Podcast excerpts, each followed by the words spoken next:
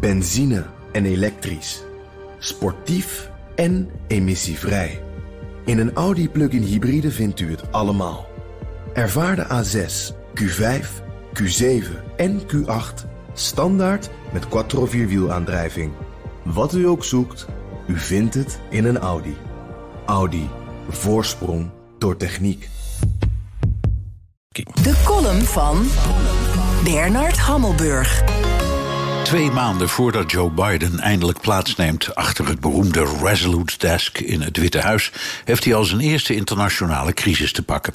China snijdt Amerika financieel, strategisch en politiek de pas af door samen met veertien landen in Azië en Oceanië 's werelds grootste vrijhandelsakkoord te sluiten.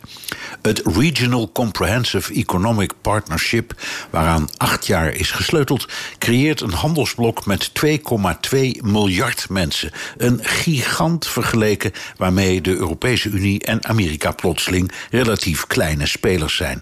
Alleen al China en Japan samen in één handelsblok. Wie kan daar tegenop? Het gaat niet om alle handel. De paragraaf over intellectueel eigendom is opmerkelijk vaag.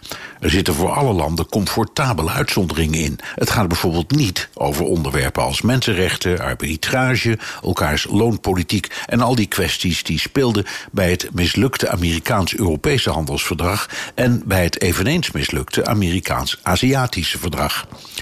Donald Trump trok de stekker uit beide. TTIP, het verdrag met Europa, omdat hij het gedram en verkapte subsidie vond, vooral voor Europa.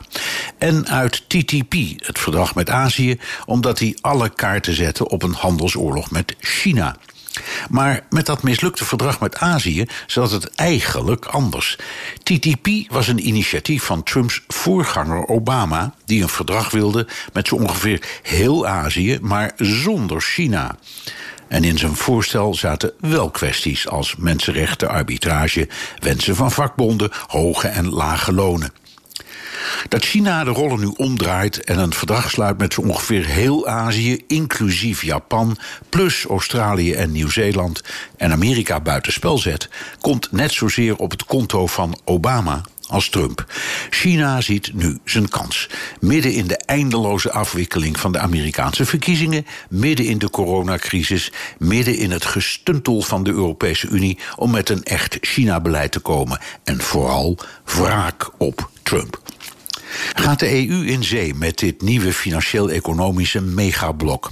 Zou kunnen, maar daar gaan we jarenlang tegen Brusselse topjes overheen. En wat doet Joe Biden?